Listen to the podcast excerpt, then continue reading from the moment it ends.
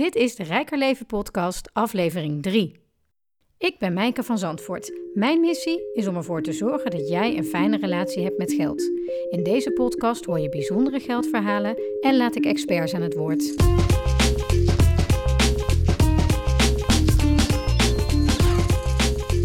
Ik zit hier met Veronique Scholten van Bureau Scholten uit Rotterdam. Welkom Veronique. Hi, Mijke. Leuk dat je er bent. Ehm, je hebt uh, naar de eerste aflevering van de Rijker Leven podcast geluisterd. En toen zei je tegen mij, jeetje, wat uh, vertelt zij open over uh, zichzelf en geld. En toen had je misschien eens toch een soort van baalmomentje dat je ja hebt gezegd. Of viel dat wel mee? Nou, ik dacht van, ik heb helemaal geen bijzonder geldverhaal. Ik heb maar een heel gewone geldverhaal. Waarschijnlijk 13 in een dozijn. En tegelijkertijd weet ik vanuit mijn werk dat, dat eigenlijk iedereen een uniek verhaal heeft. En iedereen unieke problemen tegenkomt en voor dilemma's staat waar je af en toe uh, heus wel weet dat je het anders moet doen, maar steeds weer dezelfde kant op gaat. Want kun je wat meer vertellen over het werk dat je doet? Ik coach mensen die vastlopen in of hun privéleven of hun uh, carrière. En die graag een coach hebben die met ze meekijkt om uh, die knoop waar ze voor staan te ontwarren. En dat kan of zijn van ik wil naar een volgende carrière stap, maar ik weet zelf niet zo goed hoe ik daar moet komen of wat ik nou moet gaan doen of wil gaan doen. En, uh, maar het kan ook zijn dat je in je, in je privéleven eigenlijk vastloopt en dat je zegt van joh, ik wil er meer uithalen. Ik wil meer uit mezelf halen. Ik wil meer uit mijn leven halen. En wat vind je het allerleukste aan het werk dat je doet? Het unieke zien van elk mens en het bijzondere zien. Elke keer als iemand bij mij zit uh, ja, je gaat niet, niet op een platte Nederlandse manier van iemand houden, maar je, je, je sluit ze wel in je armen. Je denkt van wat mooi, wat een mooi mens ben jij. En wat bijzonder hoe jij weer kijkt naar de wereld. En dat vind ik ook gelijk het mooie aan mijn werk. Dat het is altijd anders hoe iemand het ziet. Kun, je, kun je iets benoemen waarvan je zegt, oh dat heb ik echt geleerd gewoon tijdens mijn werk, per ongeluk van iemand? Uh, ja, eigenlijk uh, is wel een lastige vraag, maar e-, eigenlijk dat niks raar is. Alles is, uh, alles is zo menselijk. En elk, elk dilemma waar je voor staat, elk probleem wat je ziet en alles wat je van jezelf afkeurt, er zijn meer mensen die zo zijn. En die wetenschap alleen al, die maakt je zoveel sterker. Zo van, oh, dus ik ben niet de enige. En daarmee ben ik dus niet extreem raar. Misschien hooguit een klein beetje raar, maar dat is wel oké. Okay. En dat maakt het leven luchtiger en makkelijker. En dan kan je meer genieten van al die rijk, rijkdom die wij eigenlijk allemaal hebben.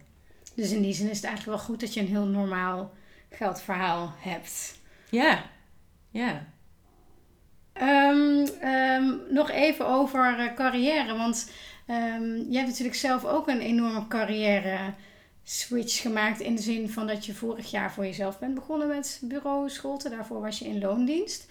Um, was dat op financieel gebied uh, ingewikkeld, los van praktische zaken? Van als je kijkt naar geld en emotie, wat waren de dingen die jij op, toen tegenkwam? Um, nou, eigenlijk heel veel. Alles wordt anders. Als jij in loondienst werkt, dan uh, weet je gewoon wat er binnenkomt elke maand. En dat geeft je een bepaalde vorm van vrijheid. Want binnen dat bedrag kun je uit de voeten. Of niet, maar ik kon er wel mee uit de voeten. En ik wist dus van, oh, feestdagen komen eraan of uh, ik wil eens iets bijzonders doen voor mezelf. En ik wist wat kon en wat niet kon. En dan ga je voor jezelf werken. En dan ben ik al een redelijk vrije vogel, dus dat is al een voordeel. Maar toch is die stap heel groot. Want in het begin zou ik gewoon geen salaris hebben. En dat betekent dat ik moet leunen op mijn echtgenoot.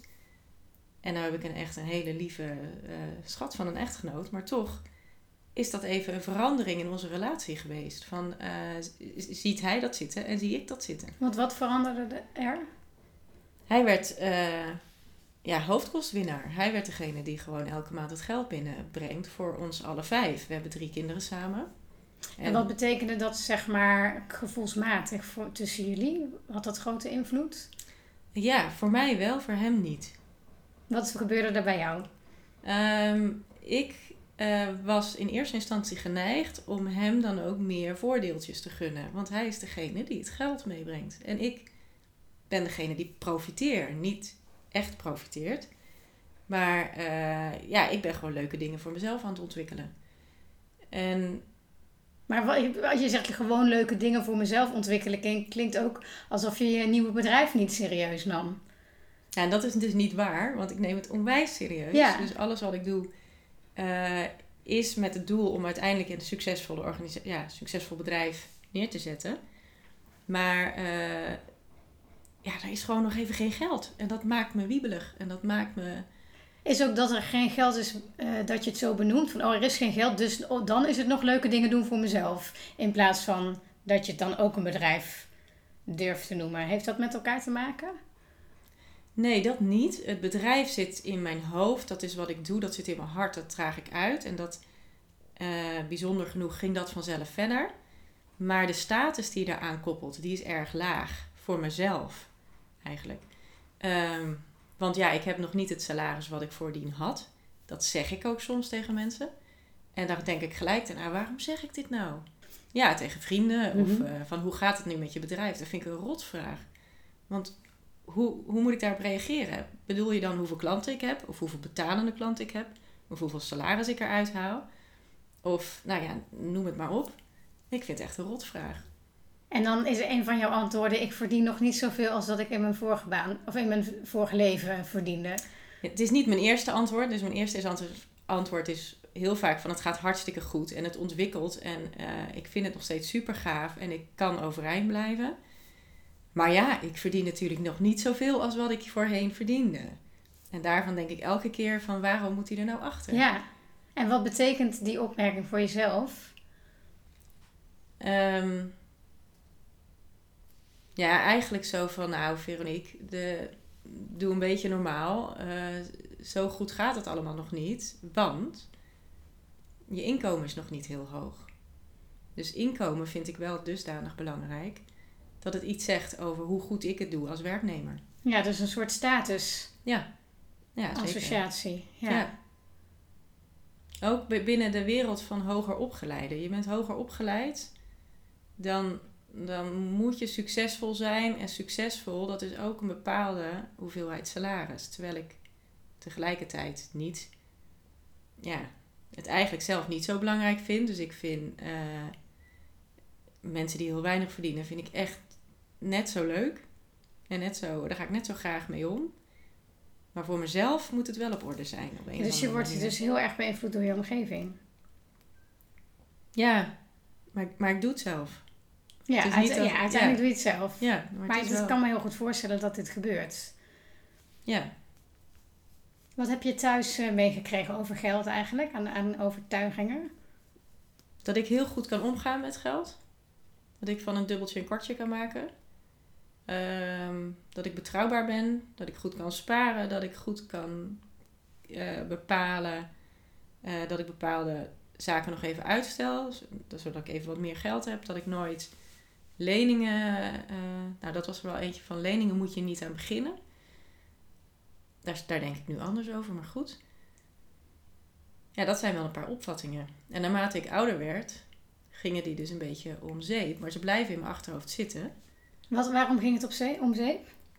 Omdat ik nu de overtuiging heb dat ik er helemaal niet zo goed in ben. Ik ben er niet zo... eh, Dus jouw ouders hebben jou het gevoel gegeven dat je in al die dingen die je net op, opnoemt goed bent. Terwijl je nu zegt, ik ben er helemaal niet goed in. Ja, maar ik ben er... Mijn ouders vonden mij er goed in omdat ik ehm, eigenlijk zuinig kon zijn. Mhm.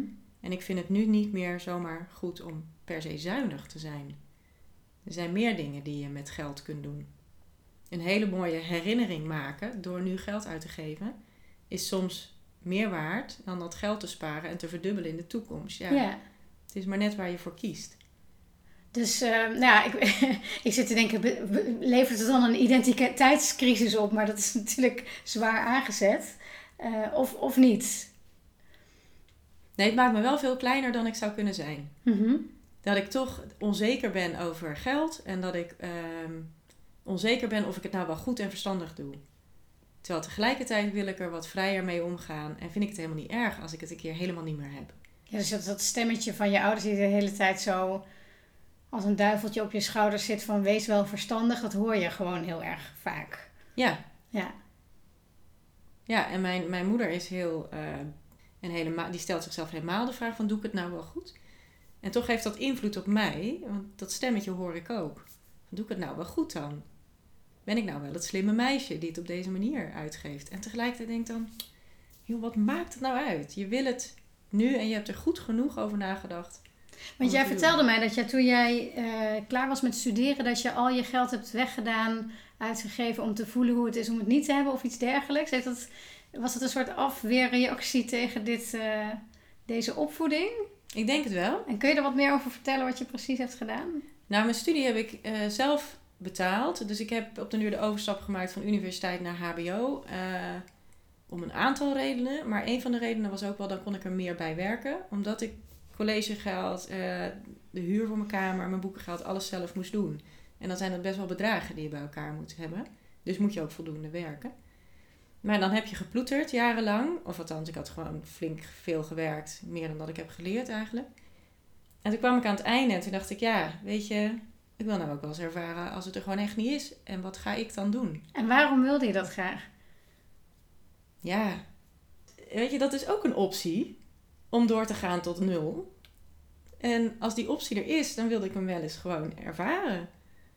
Met name om gewoon te zien, en wat ga ik dan doen? Een soort experiment met mezelf.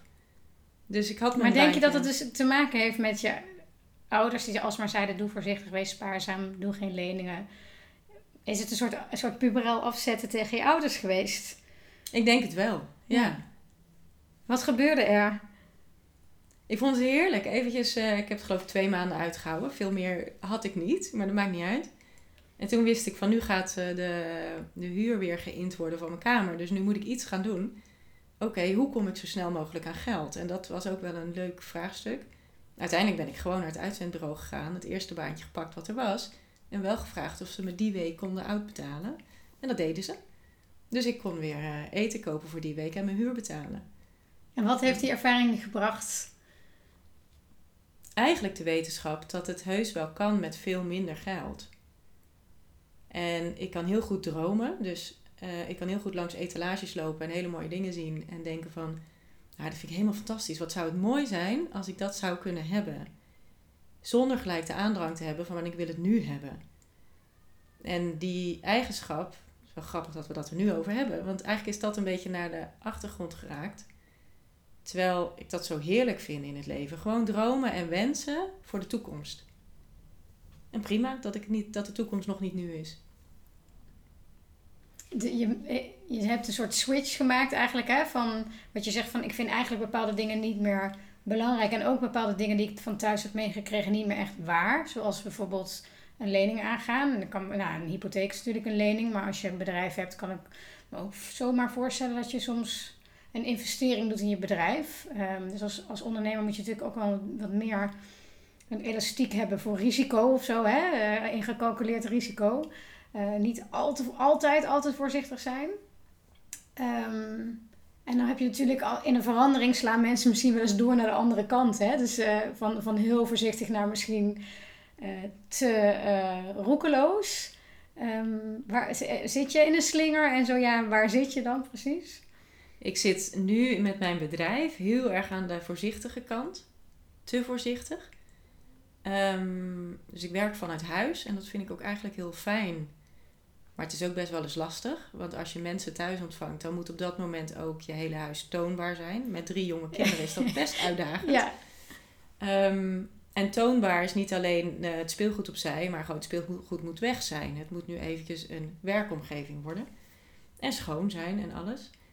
En dan denk ik van hoe zou, het, hoe zou het zijn om een kantoortje te hebben waar gewoon een bureau staat wat mooi is, waar een tafel staat waar die mooi is, waar stoelen staan die fijn zijn om in te zitten, dat ik daar kan coachen met mensen. Ehm, maar dat is nog even ver weg. En dan is het je voorzichtigheid die je tegenhoudt? Ja, omdat ik dan onzeker ben of ik het wel, of ik wel genoeg kan verdienen. En daar komt dus een ander puntje, dat ik dan ook wel genoeg moet vragen aan mensen. Dus ik moet mijn uurloon voldoende hoog maken. En dat vind ik ook wel heel spannend. Kun je daar eens wat over vertellen? Want ik denk dat alle ondernemers die luisteren uh, daarmee worstelen. Dat je gewoon, hoe bepaal je je waarde? En hoe, en hoe durf je te gaan staan voor die waarde? En... Nou, er zijn natuurlijk allemaal berekeningen voor. En daar heb ik er ook wel meerdere van gelezen. En denk ja, ja, ja, ja, klopt. Zo moet ik het eigenlijk doen. Maar Mhm. ja, ik kan er toch niet mee aankomen dat ik iemand zo'n bedrag ga vragen. Want het liefst wil ik ook particulieren gewoon kunnen ontvangen. Die vind ik zo leuk. En juist als iemand een vraag heeft die los is van zijn werk, dat vind ik zo spannend. Van, je, hebt het, je hebt het lef om dat bij mij te komen onderzoeken, terwijl je werkgever nog even van niks weet. Dus ik wil jou kunnen helpen. Maar kan ik dan aankomen met een traject van 1500 euro of van 2500 euro, wat collega's ook doen? Dan ga ik vragen bij collega's hoe zij dan zitten in hun prijsstelling. Dan word ik eigenlijk alleen maar onzeker ervan. En wat er dan gebeurt, is dat ik een soort liefdadigheidswerker word. Ja. En heel weinig ga vragen voor dat wat ik gewoon, waar ik urenlang op zit te ploeteren.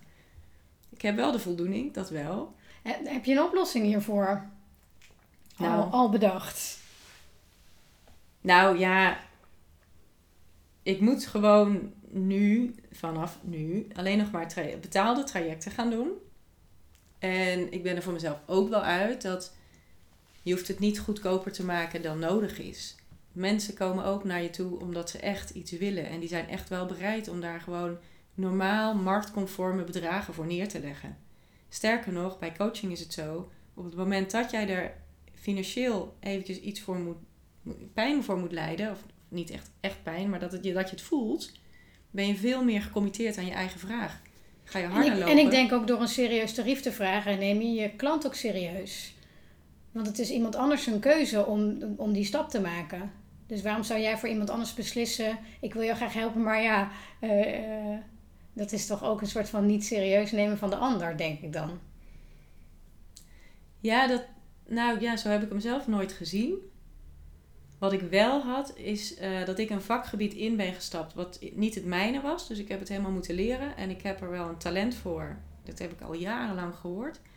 Ik wist alleen niet dat dit gebied er was. Dus ja, dan stap je er redelijk laat in. En eh, ik zag mezelf een beetje ehm, ja, als omgekeerde grootheidswaanzin, zou ik maar zeggen. Als die kleine daar.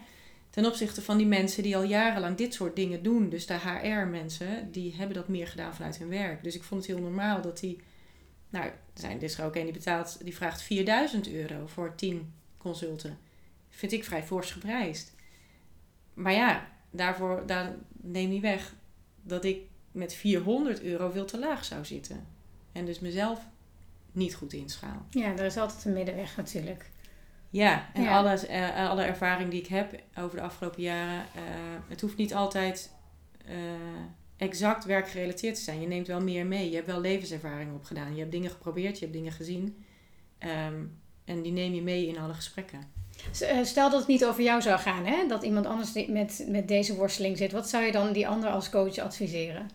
Nou, ik zou echt denken van, wat doe je moeilijk over? Vraag gewoon een Ja. normale prijs. Ja, precies. Ja. Zeker, dat zou ik zeker eh, ja, zeggen.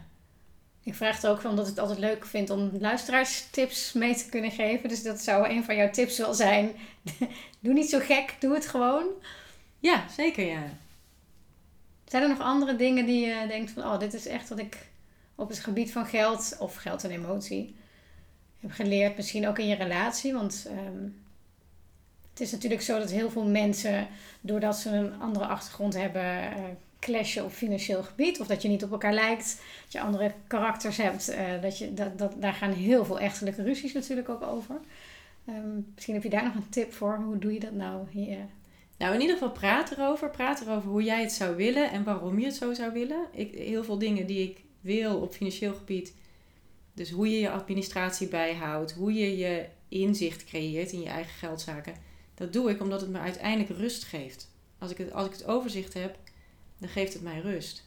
Tegelijkertijd kunnen mijn man en ik niet allebei eh, verantwoordelijk zijn voor deze taak. Want dan zijn we dubbel aan het doen. En dan krijgen we heel veel eh clashes.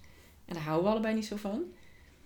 Nou ja, dus uiteindelijk is hij het gaan doen, want hij verzamelt alles op één grote hoop en kan daarin prima zijn weg vinden. Ik absoluut niet. Ik moet gewoon alles in mapjes hebben, alfabetisch, chronologisch, whatever.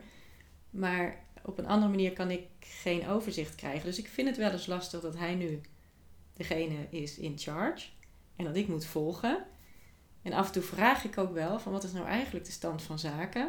En dan kan hij het me heel helder vertellen. Ehm, Ja, dus hij heeft het gewoon niet zo nodig om het fysiek geordend te hebben, omdat het in zijn hoofd wel geordend is en jij hebt daar last van.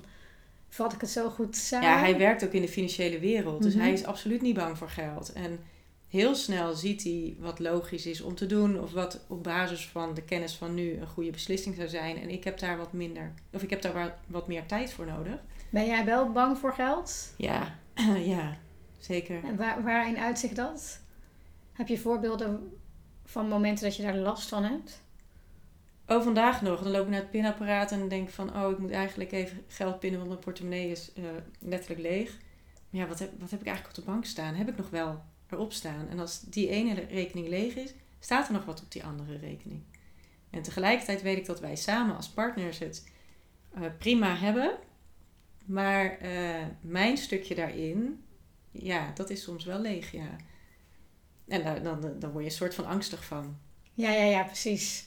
Omdat jouw rekening van jouw inkomen dan zeg maar op nul staat. Ja, Ja, Wij hebben, toen wij samen gingen, eh, hebben we de discussie gehad van wat doen we als je echt gaat trouwen ook en alles. Gaan we nou samen aan één eh, rekening beginnen of blijven dat twee losse rekeningen? Nou ja, je krijgt allebei al inkomen op dat moment, dus we hebben die allebei onze eigen rekeningen laten bestaan. En daarnaast nog een gemeenschappelijke rekening genomen. Maar daardoor blijft er altijd een stukje onzichtbaar bij mij. Want je schrijft over naar dat gemeenschappelijke rekening. Daar krijg je een grote pot. En eh, daar put je uit, maar die is soms ook leeg. Maar dan kan het best zijn dat mijn man nog prima in zijn financiële middelen zit. Andere vrienden om ons heen, die hebben gewoon alle rekeningen weggedaan en alleen nog maar een gemeenschappelijke rekening.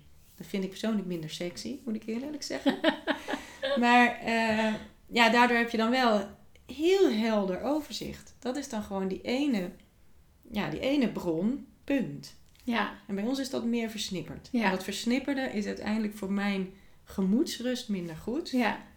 Terwijl het ook fijn is om je eigen stukje te... Je eigen eh, ehm, autonomie misschien binnen je systeem van je relatie te behouden. Ja, en ook meerdere dingen. Dus en je kan een keer iets voor jezelf kopen zonder dat de ander het gelijk ziet.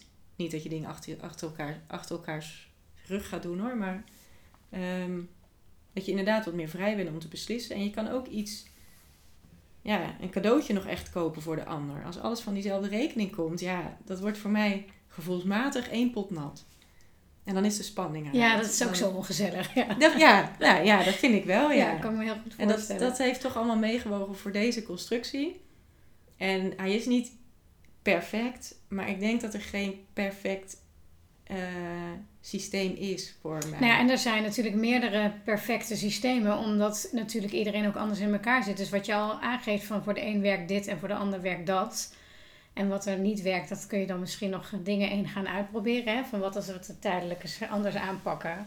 Hoe zou dat zijn? Dat is misschien nog wel leuk om... eh, Nou, laatst zei mijn man, ehm, eh, ik wil een, een opleiding nu gaan doen om, en die kost veel geld. En eh, dat geld heb, kan ik nog niet uit mijn bedrijf halen, dus eh, kunnen we, kan ik die opleiding gaan starten met privégeld, ja of nee? En mijn man zei, ja dat kan wel, want desnoods halen we het bij de kinderen van de rekening. Nou, zoals ik al zei, we hebben drie kinderen. Voor alle drie bouwen we een spaarrekening op. Waar je ook urenlang over kan discussiëren. Hoeveel zet je daar elke maand op? Nou, wij hebben ergens een keuze gemaakt. Maar ik dacht echt, we gaan never, nooit niet aan die rekeningen komen. Dat gebeurt niet. Die is gewoon voor elk kind. En wat er ook gebeurt, ik zal nooit geld daarvan af. En dan gebeurt er eigenlijk ook iets wat feitelijk niet zozeer heeft te maken met het geld zelf, maar met je gevoel van hoe kun je nou, hoe kun je nou plukken voor je bloedeigen kinderen zo'n reactie, terwijl dat voor hem blijkbaar helemaal niet zoveel, niet zo beladen is. Voor hem zijn die grenzen helemaal niet zo Nee. hard. En voor mij is dat heel erg, ja, maar dat is niet van mij. Ja, Dat is van een ander. In dit geval mijn bloedeigen kind. Dus dat ga ik gewoon niet doen. Terwijl hij alle vertrouwen erin heeft van... eh, maar ja, dat hebben we snel genoeg dan weer terug opgebouwd of wat dan ook. ja, en ook van we doen het samen, terwijl je, jij wat meer, wat je al in het begin zei van het is lastig om op iemand te leunen. Ja, en hij is wat meer flamboyant als het op geld aankomt. En ik ben wat meer rigide. En ik had graag meer dat flamboyante gehad. Want dat vind ik fantastisch. Maar helaas, ik heb het niet. Ik ben daar heel ja, gestructureerd gewoon in. En dan, eh, dan snap ik het. Nou, ik, uh, ik zou zeggen, we gaan uh, uit eten. We hebben een eetafspraak. Dus uh, ik zou zeggen, oefen met flamboyant gedrag. En bestel het allerduurste op de kaart. En ik dank je heel erg hartelijk voor je openheid en voor dit gesprek. Dank je wel. Graag gedaan.